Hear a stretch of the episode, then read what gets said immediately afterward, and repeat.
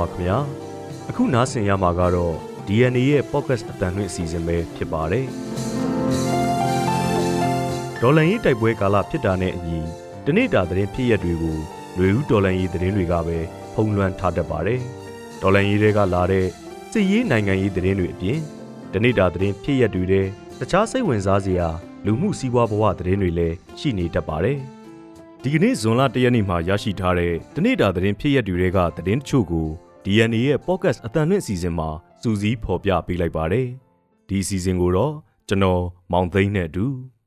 ကျမနန်းခမ်းကစူးစီးတင်ဆက်ပေးသွားမှာပါ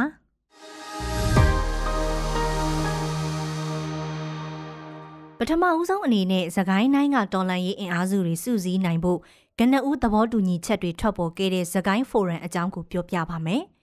နေ့ရက်ကြာကျွမ်းမခဲ့တဲ့သခိုင်းဖိုရမ်ကနေ သခိုင်းနိုင်အတွင်အခြေစိုက်တဲ့ဒေါ်လန်ရေးအင်အားစုတွေစုစည်းနိုင်ဖို့ကနဦးသဘောတူညီချက်တွေထွက်ပေါ်လာခဲ့ပါတယ်။အဲ့ဒီထဲကအရေးကြီးတဲ့အချက်တစ်ချက်ကတော့တိုင်းအတိုင်ပင်ခံကောင်စီဒါမှမဟုတ်အစုအဖွဲ့တစ်ခုတည်ဆောက်နိုင်ရေးဖြစ်ပါတယ်။လက်ရှိຫນွေဦးဒေါ်လန်ရေးကာလခုခံစစ်ဆင်နွှဲနေတဲ့ပြည်နယ်တွေမှာစစ်ရေးအရာစုစည်းမှုနဲ့ကြားကာလအတိုင်ပင်ခံကောင်စီလိုနိုင်ငံရေးအရာစုစည်းနိုင်တဲ့အဖွဲ့အစည်းတွေရှိနေပေမဲ့တိုင်းဒေသတွေမှာတော့ဒီလိုစုစည်းမှုမျိုးမလုပ်နိုင်သေးပါဘူး။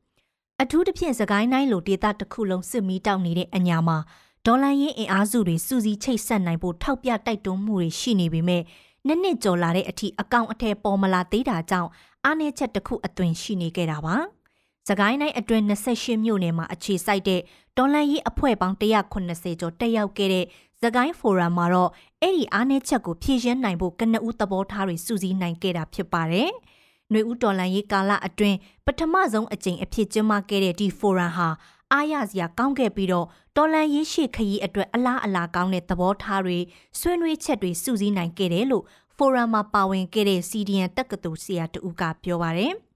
ဒါပေမဲ့ကြားကာလအတိုင်ပင်ခံကောင်စီဒါမှမဟုတ်ဒေသတွင်းအင်အားစုတွေကိုစူးစီးချိတ်ဆက်နိုင်တဲ့အစုအဖွဲ့တစ်ခုလက်တွေ့ပေါ်ပေါက်လာဖို့ကတော့နောက်ထပ်ဆွေးနွေးမှုတွေထပ်လုပ်ကြဖို့လိုအပ်နေသေးတယ်လို့သူကရှင်းပြပါတယ်။ သကိုင်းဖိုရမ်အပီးထွက်ပေါ်လာတဲ့ထုတ်ပြန်ချက်မှာတော့တိုင်းအဆင့်အသွင်ကူးပြောင်းရေးအစီအမံတွေပေါ်ပေါက်လာဖို့တိုင်းအဆင့်ကိုပိုင်ပြဋ္ဌာန်းခွင့်မူဝါဒရေးဆွဲဖို့အုပ်ချုပ်ရေးနဲ့စစ်ရေးအဖွဲ့တွေအပြန်အလှန်ထိန်းချောင်းနိုင်ဖို့တိဒတွင်ကာကွယ်ရေးအဖွဲ့တွေစုစည်းအားကောင်းနိုင်ရေးတို့ကိုရှေ့လုပ်ငန်းစဉ်အဖြစ်ဆက်လက်ဆောင်ရွက်သွားကြဖို့ဆွေးနွေးနိုင်ခဲ့တယ်လို့ဖော်ပြထားပါတယ်။ဒုတိယသတင်းတစ်ပုဒ်အနေနဲ့မြမအရေးစွမ်းဆောင်ရည်ကောင်းမပြနိုင်ခဲ့တဲ့အထူးကိုယ်စားလှယ်နိုလင်းဟေစာတက်တန်းကုံတော့မဲ့သတင်းကိုပြောပြပေးပါမယ်။ မြမအရေးနဲ့ပတ်သက်လို့ထိရောက်တဲ့စွမ်းဆောင်ရည်ကောင်းတစ်ခုမှမပြသနိုင်ခဲ့တဲ့စင်ကာပူနိုင်ငံသူ Miss Nolin Heza တယောက်ကုလသမဂ္ဂရဲ့မြန်မာနိုင်ငံဆိုင်ရာအထူးကိုယ်စားလှယ်အဖြစ်တနစ်ခွဲကြာတာဝန်ထမ်းဆောင်မှုတက်တန်းကုန်တော့မှာဖြစ်ပြီးအဲ့ဒီတာဝန်ကနေအနားယူတော့မယ်လို့ကုလတာဝန်ရှိသူတွေကထုတ်ပြောလာပါတယ်။အာနာသိမ့်ပြီးနောက်မြမအရေးကိုကင်တွယ်ဖို့2021ခုနှစ်အောက်တိုဘာလမှာအထူးကိုယ်စားလှယ်အဖြစ်ခန့်အပ်ခံခဲ့ရတဲ့နိုလင်းဟီဇာဟာ သူ့ရဲ့တက်တန်းအတွင်းစေအုပ်စုဘက်ကရောတော်လန်ရေးအင်အားစုတွေဘက်ကရောအကောင်းအမြင်မခံရတဲ့အပြင်ဝေဖန်မှုတွေနဲ့ပဲရင်ဆိုင်ခဲ့ရပါတယ်။အခုနှစ်ဩဂတ်လအတွင်းနေပြည်တော်ကိုလာရောက်ပြီးစစ်ကောင်းဆောင်မင်းအောင်လှိုင်နဲ့တွေ့ဆုံခဲ့တဲ့နိုလင်းဟေစာကိုတော်လိုင်းအင်အားစုတွေကပြင်းပြင်းထန်ထန်ဝေဖန်ခဲ့ကြသလိုအဲ့ဒီခီးစဉ်ပြီးနိုလင်းဟေစာရဲ့ထုတ်ပြန်ချက်ပေါ်စစ်ကောင်စီကလည်းလက်မခံနိုင်ခဲ့ပါဘူး။ဖန်စီအကျဉ်းချခံထားရတဲ့နိုင်ငံတော်အတိုင်ပင်ခံပုဂ္ဂိုလ်ဒေါအောင်ဆန်းစုကြည်နဲ့တောင်တွေ့ခွင့်မရခဲ့တဲ့အဲ့ဒီခီးစဉ်အပြီးမှာ နိုလင်းဟေစာကလည်းဒေါအောင်ဆန်းစုကြည်နဲ့တွေ့ခွင့်မရရင်မြန်မာကိုထပ်လာတော့မှာမဟုတ်ဘူးလို့ပြောခဲ့ပါတယ်။အာနာသိန်းစစ်ကောင်းဆောင်နဲ့တွားရောက်တွေ့ဆုံခဲ့တာဟာအာနာသိန်းစစ်တပ်ကိုတရားဝင်မှုပေးလိုက်တဲ့သဘောဖြစ်နေတဲ့ဆိုတဲ့ဝေဖန်ချက်တွေကိုတော့နိုလင်းဟေဇာကပယ်ချခဲ့ပြီးဒီလိုတွေ့ဆုံခဲ့တာဟာစစ်ကောင်စီကိုအစိုးရအဖြစ်အတိမတ်ပြုတဲ့သဘောမဟုတ်ကြောင်းပြန်လည်ရှင်းပြခဲ့ပါတယ်။အဲ့ဒီရှင်းလင်းချက်ကိုစစ်ကောင်စီကနာလိုခံခက်ဖြစ်ခဲ့ပြီးအသေးစိတ်တုံ့ပြန်ရှင်းလင်းဝေဖန်ခဲ့ပြန်ပါသေးတယ်။ ဆက်လက်ပြီးတော့မန္တလေးမှာမိဘတွေမသိပဲခလေးကိုခေါ်ယူဖွက်ထားတဲ့အမျိုးသမီးထောင်ခုနှစ်နှစ်ကြာခံရတယ်ဆိုတဲ့အကြောင်းကိုပြောပြပေးပါမယ်။အာနာသိမ့်မီကာလအတွင်းနိုင်ငံတော်ဝန်မှလူသိများတဲ့ခလေးပြောက်မှုတွေရှိခဲ့ပါတယ်။မန္တလေးမြို့မှာလည်းပြီးခဲ့တဲ့2022ခုနှစ်ဒီဇင်ဘာလအတွင်းဖြစ်ခဲ့တဲ့ခလေးပြောက်မှုဟာလည်းအဲ့ဒီလူသိများတဲ့ဖြစ်စဉ်တွေကတခုပါ။ဒီဖြစ်စဉ်ဟာထူးခြားခဲ့တာကြောင့်မက်မိနေကြတဲ့သူတွေလည်းရှိနိုင်ပါတယ်။ချမ်းအေးတာဆန်မြို့နယ်မှာနေထိုင်တဲ့ အသက်9နှစ်ကျော်အရွယ်မောင်ဆွဲဝေရန်ထွန်းဟာအဖိုးအဖွားဖြစ်သူတို့အိမ်မှာဆော့ကစားနေရကနေ9ရက်ကြာပျောက်ဆုံးသွားခဲ့တာပါ။တနိုင်ငံလုံးကလူမှုကွန်ရက်သုံးဆွဲသူတွေကြားမှာအုပ်အော်တောင်းတင်းဖြစ်ခဲ့ရတဲ့အဲ့ဒီကလေးငယ်ပျောက်ဆုံးမှုဟာအိမ်နီးချင်းအမျိုးသမီးတဦးရဲ့နေအိမ်မှာပြန်လဲရှာဖွေတွေ့ရှိမှုနဲ့အဆုံးသတ်ခဲ့တာပါ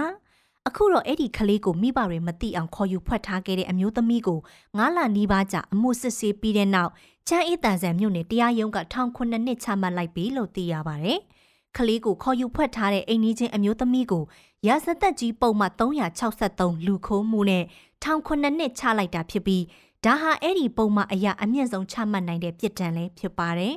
။နောက်ထပ်သတင်းတစ်ပုဒ်အနေနဲ့ခင်ဦးမှာစစ်ကြောင်းထိုးခံရလို့ဒေသခံ3000ကျော်ထွက်ပြေးတင်းရှောင်နေရတဲ့သတင်းကိုပြောပြပေးပါမယ်။စကိုင်းတိုင်းရွှေဘိုခရိုင်ခင်ဦးမြို့နယ်ကရွာတစ်ကျေးရွာကိုစစ်ကောင်စီစစ်ကြောင်းက ဒီကနေ့ဇွန်လ၁ရက်မနက်9:00နာရီခွဲအချိန်မှာစစ်ကြောင်းထိုးမိရှို့လို့ဒေသခံ3000ကျော်စစ်ရှောင်နေရတယ်လို့ဒေတာတွင်းသတင်းတွေဖော်ပြပေးနေတဲ့ခင်ဦးသတင်းမှန်ပြန်ကြားရေးကပြောပါတယ်။အင်အားတရာကျော်ပါတဲ့စစ်ကောင်စီစစ်ကြောင်းဟာဒီကနေ့မနက်အစောပိုင်းမှာလက်နက်ကြီးနဲ့ပစ်ခတ်ဝင်ရောက်လာပြီးခင်ဦးမြို့အနောက်ချမ်းမူးမြစ်အရှိတ်ရေဦးညောင်မင်သာကားလမ်းဘေးကရွာတစ်ရွာကိုဝင်ရောက်မိရှို့ခဲ့တာလို့သိရပါတယ်။ အဲ့ဒီလိုလက်နက်ကြီးနဲ့ပစ်ခတ်တာကြောင့်အရက်သားတွေထိခိုက်ဒဏ်ရာရတာမရှိပေမဲ့စစ်ကောင်စီတပ်တွေရဲ့စစ်ကြောင်းဟာရွာတစ်ရွာအနီးမှာရှိတာကြောင့်မီးလောင်ဆုံးရှုံးတဲ့နေအိမ်ဘလောက်ရှိတယ်ဆိုတာမသိရသေးပါဘူး။စစ်ကောင်စီတပ်ရဲ့စစ်ကြောင်းထိုးဝင်ရောက်မိရှို့တာကြောင့်ခင်ဦးမြို့နယ်အနောက်ချမ်းကရွာတစ်ကျေးရွာအပြင်ချမ်းသာကုန်းကျေးရွာညောင်ပင်ချံကျေးရွာဆယ်ကြီးကျေးရွာမူးတာကျေးရွာစတဲ့ကျေးရွာတွေကဒေသခံ3000ကျော်ဟာဘေးလွတ်ရာတိမ်းရှောင်ခဲ့ရတယ်လို့သိရပါတယ်။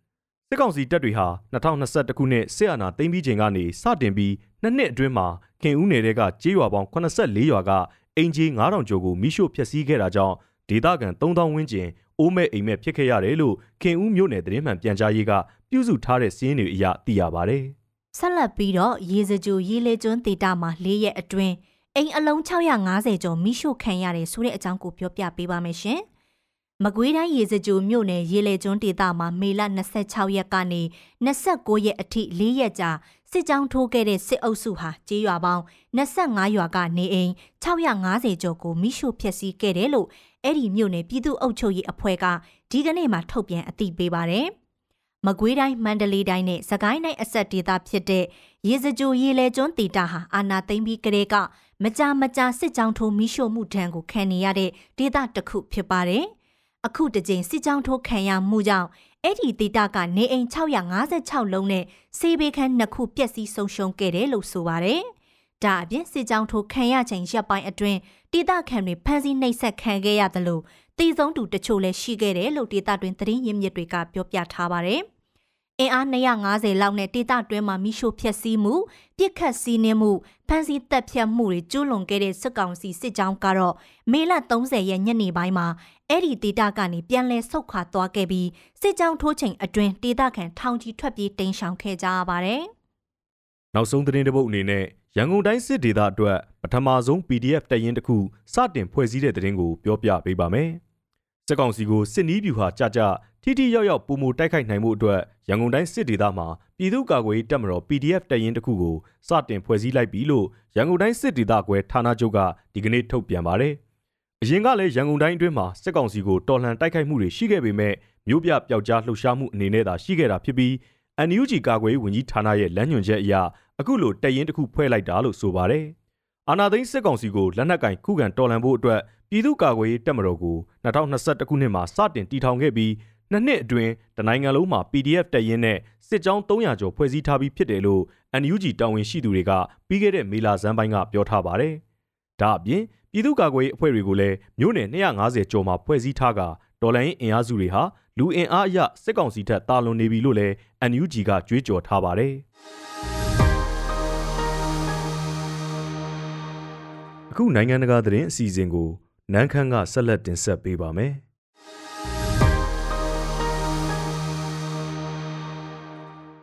အမေရိကန်စစ်လေယာဉ်တစည်းနားမှာတရုတ်တိုက်လေယာဉ်ကအန်နီယယ်ရှိလောက်တဲ့အခြေအနေမျိုးအထိ ချင်းကပ်ပြန်တန်းခဲ့တဲ့မှတ်တမ်းဗီဒီယိုကိုအမေရိကန်ကာကွယ်ရေးဝန်ကြီးဌာနကထုတ်ပြန်ပြသခဲ့ပါတယ်။ပြီးခဲ့တဲ့သတင်းပတ်ကတောင်တရုတ်ပင်လယ်အထက်နိုင်ငံတကာလေပိုင်နက်ထဲမှာပြန်တန်းနေတဲ့အမေရိကန်ရဲ့ RC-135 အမျိုးအစားကင်းထောက်လေယာဉ်ကိုတရုတ်ရဲ့ J-16 တိုက်လေယာဉ်တစည်းကရန်လိုတဲ့သဘောမျိုးနဲ့အနောက်အရှက်ပေးခဲ့တာလို့အမေရိကန်ကစွပ်စွဲပြောကြားခဲ့ပါတယ်။တောင်တရုတ်ပင်လယ်ဟာတရုတ်နဲ့ဒေသတွင်းနိုင်ငံတချို့ကြားပိုင်နက်အငင်းပွားနေတဲ့ရေပြင်ဖြစ်ပြီး ပင်လယ်ပြင် area တစ်ခုလုံးနီးပါးကိုတရုတ်ကသူတို့ရဲ့ပိုင်နက်အဖြစ်သတ်မှတ်ထားပါတယ်ဒါပေမဲ့အမေရိကန်ကတော့တောင်တရုတ်ပင်လယ်ကိုနိုင်ငံတကာရေပိုင်နက်လို့တာမှတ်ယူထားပြီးလွတ်လပ်တဲ့ခုံမောင်းမှုတွေပြန်တမ်းမှုတွေဆက်လက်လှုပ်ဆောင်နေဦးမယ်လို့ဆိုပါတယ်။အခုဖြစ်စဉ်မှာတရုတ်တိုက်လေရင်ကနိနိကက်ကက်နောက်ဆက်ပြန်တမ်းတဲ့အရှိန်ကြောင့် RC135 ရဲ့ကိုထဲထဲမှာတုံခါမှုတွေတက်ရောက်ဖြစ်ပေါ်ခဲ့တာကိုလည်းဗီဒီယိုမှတ်တမ်းထဲမှာတွေ့ရပါတယ်။ ဝါရှင်တန် DC မြို့တော်မှာရှိတဲ့တရုတ်တန်ယုံကတော့အခုကိစ္စနဲ့ပတ်သက်ပြီးအသေးစိတ်မှတ်ချက်မပေးခဲ့ပေမဲ့အမေရိကန်ဟာတရုတ်ရဲ့အမျိုးသားလုံခြုံရေးကိုထိပါစေနိုင်တဲ့ထောက်လန်းရေးလေယာဉ်တွေရေရင်တွေကိုတရုတ်နိုင်ငံတဝိုက်မှာဖြန့်ကျက်ထားတာအကြကြီးရှိခဲ့ပြီးပြီလို့တုံ့ပြန်ခဲ့ပါတယ်။အမေရိကန်ကအဲ့ဒီလိုမျိုးရန်စမှုဆန်ပြီးအန်ဒီယံများတဲ့လုပ်ရက်တွေကိုကိုယ်တိုင်ကျူးလွန်ပြီးတရုတ်ကိုအပြစ်ပုံချတာမျိုးတွေရက်တန့်သင့်နေပြီလို့လည်းတရုတ်တန်ယုံရဲ့ပြောရေးဆိုခွင့်ရဲ့အရာရှိလျူပန်ယူကပြောပါတယ်။ အမေရိကန်ကာကွယ်ရေးဝန်ကြီး Wright Austin ကစင်ကာပူမှာကျင်းပမဲ့ညီလာခံတစ်ခုမှာတီးခြားတွေ့ဆုံဖို့တရုတ်ကာကွယ်ရေးဝန်ကြီးကိုအဆိုပြုခဲ့ပေမဲ့ညှင်းဆန်ခံခဲ့ရတဲ့ဖြစ်စဉ်မတိုင်ခင်မှာအခုလိုလေရင်ချင်းညှိတဲ့ပြဿနာဖြစ်ခဲ့တာပါ။တောင်တရုတ်ပင်လယ်ရေပြင်မှာတော့တရုတ်နဲ့အမေရိကန်လေရင်တွေအကြားအချင်းချင်းပညာပြတဲ့ကိစ္စမျိုးအရင်ကလည်းကြုံမှုပါတယ်။ဒီဇယ်ဘာလတုန်းကလည်းတရုတ်လေရင်တစည်းက10ပေလောက်အကွာထိချင်းကပ်လာတာကြောင့် အမေရိကန်လေတပ်ရဲ့လေရင်တစည်းဟာနိုင်ငံတကာလေပိုင်နက်ထဲပြန်တန်းနေတဲ့အချိန်အရေးပေါ်လမ်းကြောင်းပြောင်းတိန့်ရှောင်ခဲ့ရကြောင်းသိရပါတယ်။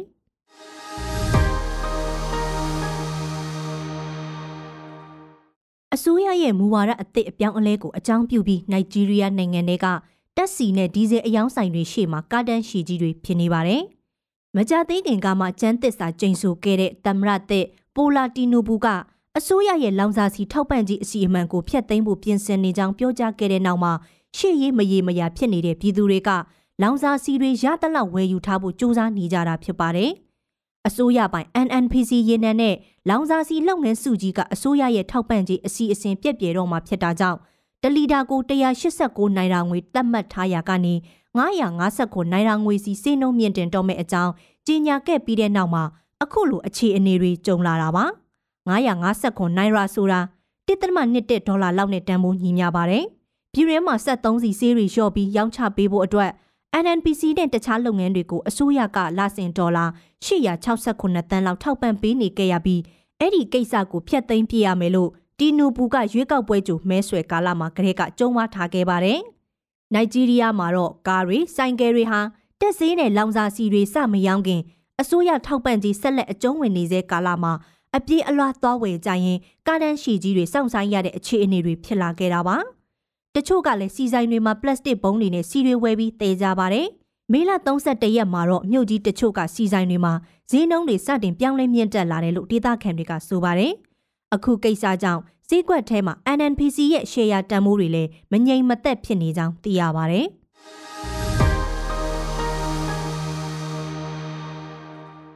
ဆက်လက်ပြီး စာရေးဆရာလင်းခါကသူ့ရဲ့အစီးတစ်ပုဒ်ကိုကိုယ်တိုင်ဖတ်ပြပေးထားပါတယ်။ကျွန်တော်ရဲ့တရေအစီဆိုတဲ့အစီလေးတစ်ပုဒ်ကိုဖတ်ပြခြင်းပါတယ်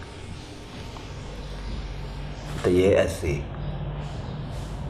တရေတွေတကယ်ရှိမရှိဆွေးနေတာတော်တော်ခင်းတော့ကြတဲ့ဆွေးနွေးမှုမျိုးပဲဖြစ်မဲ့ထင်တယ်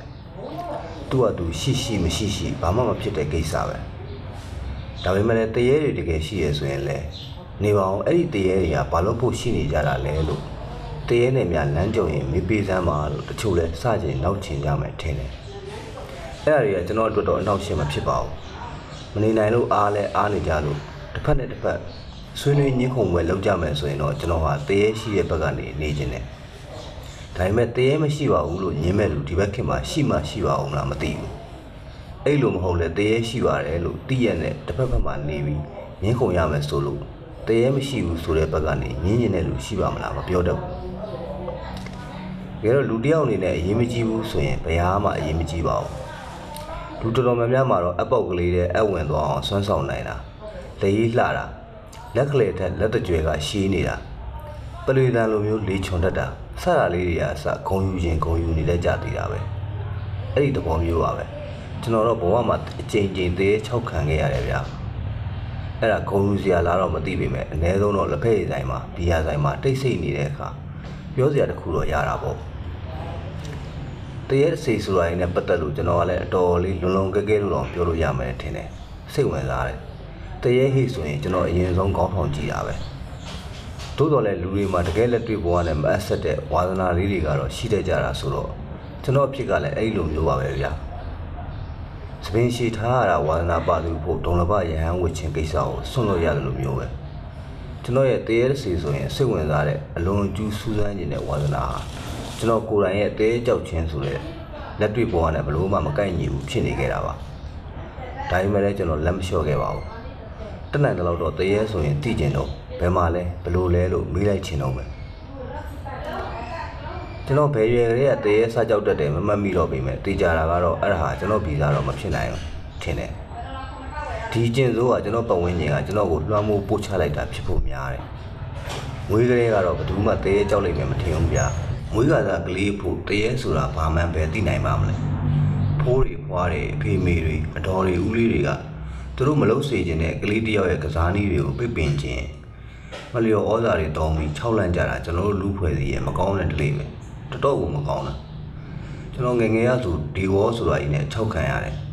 ဘာတွေကိုဘာဝေါ်မှလည်းမသိပဲနဲ့ကြောက်ခဲ့ရတာနောက်ပြီးကလမာကြီးကလာဖမ်းသွားလိမ့်မယ်တဲ့ဘယ်ကကလမာကြီးကလာဖမ်းရမှာလဲဗျာသူ့ကသူကောင်းရောင်းကောင်းဝယ်အကျော်လေးရောင်းနေတာဟောအကျော်မြောင်းတဲ့ကလမာကြီးတွေလည်းသူ့ကသူနေကြတာပါပဲလူတွေမတရားပုံပြောရတယ်နောက်ပြီးအဲ့လိုသာမင်းဆက်စော့နေမယ်ဆိုရင်မင်းကမွေးသားသားပဲဖြစ်ရမယ်လို့ဘာလို့တကယ်ကိုမဆာမနာဗျာ ကလေးတွေကိုသူတို့မျိုး6ရက်ကြတယ်ကျွန်တော်ရဲ့တရေကြောက်တဲ့ခြင်းပြဿနာလည်းအဲ့ဒီလိုမတော်တရောအချောက်လန့်ခံရရင်လည်းဖြစ်တာပဲဖြစ်ရမယ်ကျွန်တော်ကစိတ်တဲ့ကြန့်ခိုင်တဲ့ကောင်းပါဘယ်နဲ့ဗျာမွေးရပါတရေကြောက်တတ်တာဘယ်ဟုတ်ရပါမလဲဒါပေမဲ့ကျွန်တော်သိရဗျာအဲ့ဒီတဲကြောက်ခြင်းစိတ်အခြေအနေကကုသလို့ဒါမှမဟုတ်ဆက်လိုက်ဖြတ်လိုက်တယ်လို့ဖြတ်လိုက်လို့ရတဲ့ကိစ္စမှကျွန်တော်သိတယ်။ဘုကျောင်းဆန်းရဲ့အထုပ်ပတိထဲမှာဆိုရင်ငင်းနာမဲမောင်ထင်လင်းကလေးကလည်းကျွန်တော်လိုပဲတဲကြောက်တတ်တယ်တဲ့။ ဒါပေမဲ့သူ့ရဲ့အဲ့ဒီယောဂါကိုသူကိုယ်တိုင်ပြန်ကုသတဲ့အနေနဲ့လောင်းစားလုပ်ပြီးတင်ញိုင်းကုန်းမှာတညသွားအိတ်ခဲ့တဲ့။အဲ့ဒီနေရာလေးဖက်ပြီးကျွန်တော်လဲဘုကျောင်းဆန်းကိုအားရကြပြီးအဲ့ဒါလိုလိုက်လို့ဖို့ကြိုးစားခဲ့သေးတယ်။မရပါဘူးဗျာ။ခွေးတကောင်ဆွဆွဲငငယ်ဦးဖို့နှကန်းဆူလိုက်အောင်ရှိသေးတယ်တင်ញိုင်းကုန်းကနေကျွန်တော်ထပြေးတာပဲဒီဘဝမှာတော့မဖြစ်နိုင်တော့ဘူးထင်ပါတယ်ကျွန်တော်တို့စီမှာကအိမ်မွေးချပြီးအကြောက်တရားကိုကူတဲ့ဆရာဝန်မျိုးမရှိလို့ဗျာရှိများရှိခဲ့ရင်ကျွန်တော်သွားအောင်ပါပဲ အဲ့ဒီကြရင်တဲကြောက်တဲ့ကိစ္စတွေမဟုတ်တနက်ကြောက်တဲ့ကိစ္စကိုပါကူရမယ်သဘောရှိတယ်လူတွေသာတနက်မကြောက်တော့ရင်ဒါမှမဟုတ်တနက်ပြီးနေတိတ်ကောင်းမှာလို့ကျွန်တော်တွေးဦးတယ်တနက်ပြပြီးဗိုလ်ကြခြင်းတဲ့ကောင်တွေတော့တေချာဖို့စိတ်သုံးသွားမှလေထားပါဗျာလမ်းတွေချောကုန်ပြီလောလောဆယ်မှာတော့တရေလောက်ပြီးရင်ကိုကျင်းနေရမှာပါကျွန်တော်ရဲ့တရေကြောက်ခြင်းစိတ်ကူသာကျွန်တော်အွန်လိုင်းခဲ့ရင်ကျွန်တော်လုပ်ချင်တာတွေအများကြီးရှိတယ်တရေကိုမကြောက်တော့လို့တရေကိုပြန်ချောက်မယ်ဆိုတဲ့စိတ်ယုံမျိုးကျွန်တော်မှမရှိပါဘူး တဘွာလုံးကြောက်ခဲ့ရတဲ့တင်းကိုနိုင်လုံးဖီထောင်းလိုက်မယ်စိတ်မျိုးပါတကယ်မထားအောင်လားပါကျွန်တော်ကအဲ့ဒီတရေတွေကိုအင်တာဗျူးသဘောမျိုးတွေလုပ်ချင်တာပါဘာဖြစ်လို့များဒီနေရာမှာတရေလာဖြစ်နေရတယ်လဲနေရထိုင်ရတာအဆင်ပြေရဲ့လားစားတော့ကရောဒါနဲ့ဘာတွေကိုဘယ်လိုများစားတော့ကြတယ်လို့စားတာတွေမျိုးတွေအပြင်အခြားကျွန်တော်သိကျင်တာတွေအများကြီးရှိတယ်ကျွန်တော်တို့ကြည်နေကြတရေကားတွေတွေကလို့တုတ်တန်မှာငုတ်တုတ်ကြီးထိုင်အလောင်းကောင်ကြီးရဲ့ဘိုက်ကိုဖောက်စားနေတယ်ဆိုတာမျိုးတွေကအာဝါဒတွေပါဗျာ အလကားတရေမကောင်းကြောင်းဝါဒဖြန့်တာပဲကိုယ်တိုင်လည်းတရေမဖြစ်ဘူးပဲနဲ့တရေတကောင်ရဲ့နေစဉ်ဘဝကိုဘယ်လိုလုပ်အတိအကျသိနိုင်မှာလဲကြာတော့ကြာပြီကျွန်တော်ငငယ်တုန်းကတခိုးကြီးညတညမှာကြုံခဲ့ရတာလေးမှတ်မိသေးတယ်ဒါပေမဲ့လည်းကျွန်တော်တို့ငငယ်တုန်းကတော့ညာတိုင်းလိုလိုတခိုးကြီးညတွေကြီးပဲလာတော့မသိတော့ပါဘူးကျွန်တော်တို့တငယ်ချင်းတွေအုပ်စုလိုက်သူများ channel ကကြက်ကိုဝင်နှိုက်ကြတာကြက်ဆိုတော့တခါမှမခိုးဘူးမဖမ်းဘူးတော့အိတ်တန်းပေါ်ကကြက်လေပင်ကိုလှမ်းဖမ်းတာမမိပဲ ကြက်ကချန်ပီယံကိုထွက်ပြေးပါလေရောစူညံပွက်လောကိုရိုက်ကုန်တာပါပဲကျွန်တော်တို့လည်းတစ်ဖွဲလုံးထုတ်တွေခဲတွေနဲ့ကိုင်ရင်ကြက်နောက်ကိုအပြေးလိုက်ကြတာပေါ့ဒီလောက်စူညံနေတာကိုတော့ကြက်ပိုင်ရှင်တွေကလည်းမလို့ဘူးဗျာတနေရာရောက်တော့ညအမောင်ကြီးရဲ့ကျွန်တော်တငယ်ချင်းတယောက်ရန်တန်ပြစ်လိုက်တဲ့တန်တော့ကကြက်ရင်အောင်တက်တက်မှန်ပြီးကြက်ခမအုတ်ခနဲ့ပြစ်လေကျွန်တော်တို့တဲကတယောက်ကခုံအုပ်ဖမ်းပြီးခေါင်းကိုအုတ်ခဲနဲ့နှစ်ချက်လောက်ဆင့်ထူတာပေါ့တွေးကြည့်ရင်ကြက်သိမ်းထားကြပါဗျာ ကျွန်တော်တို့တော်တော်ကျွန်တော်တို့တော်တော်ရက်ဆက်ကြတာပဲကြက်နေရကဝင်တွေးကြည့်မိတိုင်းအဲ့ဒီညကိုကျွန်တော်နောင်လာရပါတယ်ထားပါတော့ကျွန်တော်တို့လည်းညတကောင်ကျော်ကြီးတွေးဆက်လက်နဲ့ကြက်သေးကြီးခြေတော့ကကိုင်ချက်စားမဲ့အိမ်ကိုတုတ်ချတင်ပြေးကြအိမ်ရောက်တော့အိမ်ကားတွေအလုံးပိတ်ရင်းနှီးဦးတဲရင်းနှီးဖြောပေါ်လေစားသဖြင့်လုံနေတော့အိမ်ကားကိုဒုံဒုံဒုံနဲ့စူညံနေအောင်ထုတော့တာပဲဗျာကျွန်တော်တို့တကယ်ချင်းတိုက်မှာတော်တော်တုံလုံးသွားခဲ့ကြတယ်တ သွားပြီးလက်ဘူးလက်ချက်မိပြီးရက်ွက်ရုံရောက်ပြီးဟန်ဆိုရင်ရဲစခန်းရောက်အချုပ်ထဲတောင်အေးရတော့မယ်ပေါ့ချက်ကိုဖတ်เสียနေရာလည်းမရှိတဲလာရလမ်းလျှောက်လဲတွေးဆက်လက်နေဆိုတော့ညင်းလဲအပူပဲပေါ့ဗျာအဲ့ဒါနဲ့တငယ်ရင်းတစ်တိုက်တကားရှိမျက်နှာလေးလေးနဲ့ရက်လို့တတုံးလုံးထုနေတဲ့တကားကိုဆွဲဖွင့်လိုက်တယ်တကားရှိမှဘယ်သူမှကိုရှိမနေဘူးဗျာညတကောင်ကြော်လို့မနေ့2နာရီထိုးရနေကြီးကျွန်တော်တို့နည်းနည်းတော့ရှင်အေးသွားပြီမဲ့ ဒါတွေးရတာရုံမဟုတ်မှဂျိမိတာပေါ့အဲ့ဒီလိုတတုံးလုံးတကားကိုထုလိုက်ကျွန်တော်တို့ကပြေးဖွင့်လိုက်မနေ့4နာရီသာထိုးသွားတယ်ဘယ်သူမှမရှိဘူးအဲ့ဒီတော့ကတော့ခေါင်းနှမန်းတွေကြီးလို့တကယ်ကြောက်ခဲ့ရတာပါဗျာဒါပေမဲ့ယနေ့မှပြန်စဉ်းစားကြည့်တော့တရေခမရဘိုက်စာလုံးလို့ခွဲတန်းတောင်းတာပဲလို့သိလာခဲ့တယ်လွန်ခဲ့တဲ့10နှစ်ကျော်15နှစ်လောက်တုန်းကဆိုရင်ကျွန်တော်ကညာတိုင်းနီးနီးတရေ6ခံရတယ်ကျွန်တော်အိမ်ကဆေးရုံကြီးကြော်သွားပြီးမှရောက်လာ အိမ်သွားတဲ့လမ်းကလေးကလမ်းမီးမရှိလို့အမြဲမှောင်မိုက်နေတာတောင်းတန်းရောအမှောင်မျိုးတော့မဟုတ်ဘူးအဲ့ဒီလမ်းကဖြတ်သွားတဲ့အမဲအောင်ဆေးရီကန်ကြီးတဲ့ဆင်းလိုက်ရတယ်လို့မှောင်မဲတာမျိုးအဲ့ဒီလမ်းရဲ့တဝက်လောက်မှာရှင်ခွဲအောင်ရှိတယ်ဒေဗီဒမသားရဲ့ရှင်ကိုခွဲတာပေါ့အဲ့ဒီတော့ကဆိုရင်ညာတိုင်းကျွန်တော်က10နာရီနဲ့12နာရီကြာမှပြန်ရတယ်ပြန်တိုင်းလဲအဲ့ဒီရင်ခွဲုံတစ်ပေါက်တစ်ကားပေါက်အနားမှာဒုတိယအမြဲတွေ့ရတယ် အဲ့ဒီအမဲအောင်ကန်ကြီးထဲမှာကိုမြင်ရတဲ့လူကလည်းမဲမဲကြီးပဲနှစ်နှစ်သုံးနှစ်လောက်နေ့တိုင်းသာတွေ့နေရတာသူ့မျက်နှာလည်းကျွန်တော်မမှတ်မိပါဘူးမျက်နှာကြီးကလည်းမဲမဲကြီးပဲကိုညာတိုင်းအဲ့ဒီရင်ခွဲုံလမ်းကဖြတ်ပြန်ပြန်တိုင်းလဲအဲ့ဒီရင်ခွဲုံအပေါက်မှာမတက်ရက်နေတဲ့လူကိုတွေ့တွေ့တိုင်းလဲအဲ့ဒီလူကသူ့စီကိုလာခဲ့ဖို့လက်ရက်ခေါ်လေးရှိတယ်လက်ရက်ခေါ်တိုင်းလဲကျွန်တော်ကပြေးတာပါပဲချက်သိမ်းမွေးရင်းနေထလို့ပေါ့အဲ့ဒါနှစ်ချီကြောင်ကျွန်တော်ကြုံခဲ့ရတာပါ ဒါပေမဲ့မငင်းဝေခဲ့အပြောင်းလဲမလုပ်ခဲ့မိဘူးအဲ့ဒီတရေကလည်းရင်ဝဲုံရှိမတက်ရက်လို့အမြဲလက်ရက်ခေါ်နေမြဲကျွန်တော်ကလည်းသူလက်ရက်ခေါ်တိုင်းချက်သိမ်းမှုကြီးတွေထမှုရင်းတွေထောင်ပြီးတော့ပြေးတာပဲပုံမှန်လှုပ်ဆောင်နေရမယ်ကျင့်ဝတ်တွေလိုပဲတခါမှမပြတ်ကွက်ခဲ့ဘူးအဲ့ဒီအဖြစ်အပျက်တွေလိုမျိုးတရေချောက်ခံရတဲ့ကျွန်တော်ရဲ့ကိုယ်ပိုင်တည်တဲ့ဇလန်းတွေအများကြီးရှိပါတယ်ပြင်းနေမှာဆိုလို့မဖော်ပြတော့ပါဘူးအဲ့ဒီဖြစ်ရတွေတိုင်းရဲ့ဇလန်းအဆုံးသက်ကတော့ကျွန်တော်ရဲ့ပြေးခြင်းနဲ့ပါပဲ ဒါပေမဲ့အခုဆိုရင်ကျွန်တော်တရေအချောက်မခံရတာနှစ်တော်တော်ကြာလာခဲ့ပါပြီတရေအချောက်မခံရတာကြတော့ကိုကိုကိုငါတရေမှကြောက်တဲ့တရေလားခုများတရေဒါမှမဟုတ်တရေမတွေနဲ့များကြုံရရင်ကြောက်အောင်ပါလားလို့စဉ်းစားမေးခွန်းထုတ်နေမိတယ်ဖြေကတော့ငါကြောက်သေးတယ်လို့ပါပဲချက်စရာတော့ကောင်းပါတယ်ခြေခံအပြင်ကျွန်တော်ကပစ္စည်းမဲ့လူလန်းစားဖြစ်နေတော့ကာမတ်ရဲ့ကွန်မြူနတီဝါဒကိုနှစ်သက်တဲ့သဘောရှိတယ်။ဒုဗိမန်လည်းဗျာရုပ်ဝါဒီလည်းပြောသေးတယ်ကြတော့လည်းကြောက်တတ်တယ်လေလားလို့ သူပြောသူပြောခံရမှာလည်းစိတ်မသက်သာစရာပါပဲတို့ပေမဲ့ဗျာဒီနေ့ကြည်ချင်းခါမှာတော့ကျွန်တော်ကကျွန်တော်ကြုံခဲ့ရတဲ့တရေတွေနဲ့ပတ်သက်ပြီးအမြဲလောင်လာရနေမိတယ်ဥပမာဆိုပါလို့ရင်ဝဲုံအပေါက်ဝမှာမတက်ရက်ပြီးကျွန်တော်ကိုလက်ရက်ခေါ်နေလေးရှိတဲ့အဲ့ဒီတရေကျွန်တော်ကသူဖိတ်ခေါ်တာကိုလက်ခံပြီးသူ့အနာသွားခဲ့ရင်ဘာဖြစ်မှာလဲလို့တိတ်တိရင်နေမိတာပဲသူနဲ့စကားစမိပြောရမှာလားဒါမှမဟုတ်သူကပျောက်သွားပြန်ပြီးတခြားတနေရာမှာပြန်ပေါ်လာ အဲ့ဒီနေရာကိုလာခဲ့ဖို့ထပ်ပြီးလက်ရက်ခေါ်နေဦးမှာပဲလားစသဖြင့်မသေးကြမရေရာမှုတွေကိုရှင်းရှင်းလင်းလင်းသိကျင်တာပါသူတို့နဲ့သာတကယ်ပဲစုံပြစ်စကားစမိပြောခွင့်ရခဲ့ရင်ဘလို့များတရေဖြစ်ရတယ်လဲကွာငါလည်းပြောပြပါအောင်နေရောကောင်းရဲ့လားမင်းကြည့်ရတာတချောင်းချောင်းတမဲမဲနဲ့ပဲစသဖြင့်မေးမြန်းလိုက်ချင်ပါတယ်နောက်ပြီးသူတို့တရေထဲမှာရောတရေကြောက်တတ်တဲ့တရေတွေဘာတွေများရှိသလားအဲ့ဒါလည်းကျွန်တော်သိသိချင်တာပဲ ဥပမာကျွန်တော်ဆိုရင်တရေကြောက်တတ်တော့ကျွန်တော်သာတည်ပြီးတရေဖြစ်ခဲ့ရင်တရေဘဝမှာရောတရေကြောက်နေအောင်မလားဆိုတာမျိုးပေါ့ခင်ဗျားတို့နေလည်းတရေတစ်စီတရားအောင်နဲ့များကြုံရလို့ကြောက်တတ်တဲ့စိတ်မျိုးလည်းမရှိလို့စကားစမိများပြောပြခဲ့ရင်ကျွန်တော်သိတဲ့အဲ့ဒီမိကုန်းလေးတွေထည့်မေးပေးစေချင်တယ်နောက်ပြီးခင်ဗျားစိတ်ကူးညံတဲ့ကွန်ပျူတာရသလောက်မိကုန်းလေးတွေလည်းမေးကြည့်ပေးပါသူတို့ကလည်းဖြေခြင်းပဲဆိုရင်ပေါ့လေကျွန်တော်တို့တက်အပ်တည်နေတယ်ဗျာတရေတွေရဲ့ဘဝကတကယ်ကိုစိတ်ဝင်စားဖို့ကောင်းပါ လင်ခါ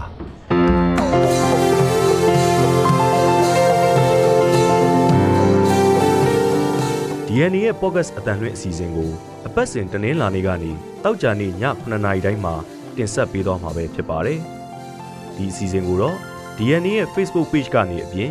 Anchor, Spotify နဲ့ Google Podcast တို့တွေကနေတဆင့်လဲနားဆင်နိုင်ပါတယ်ခင်ဗျာ။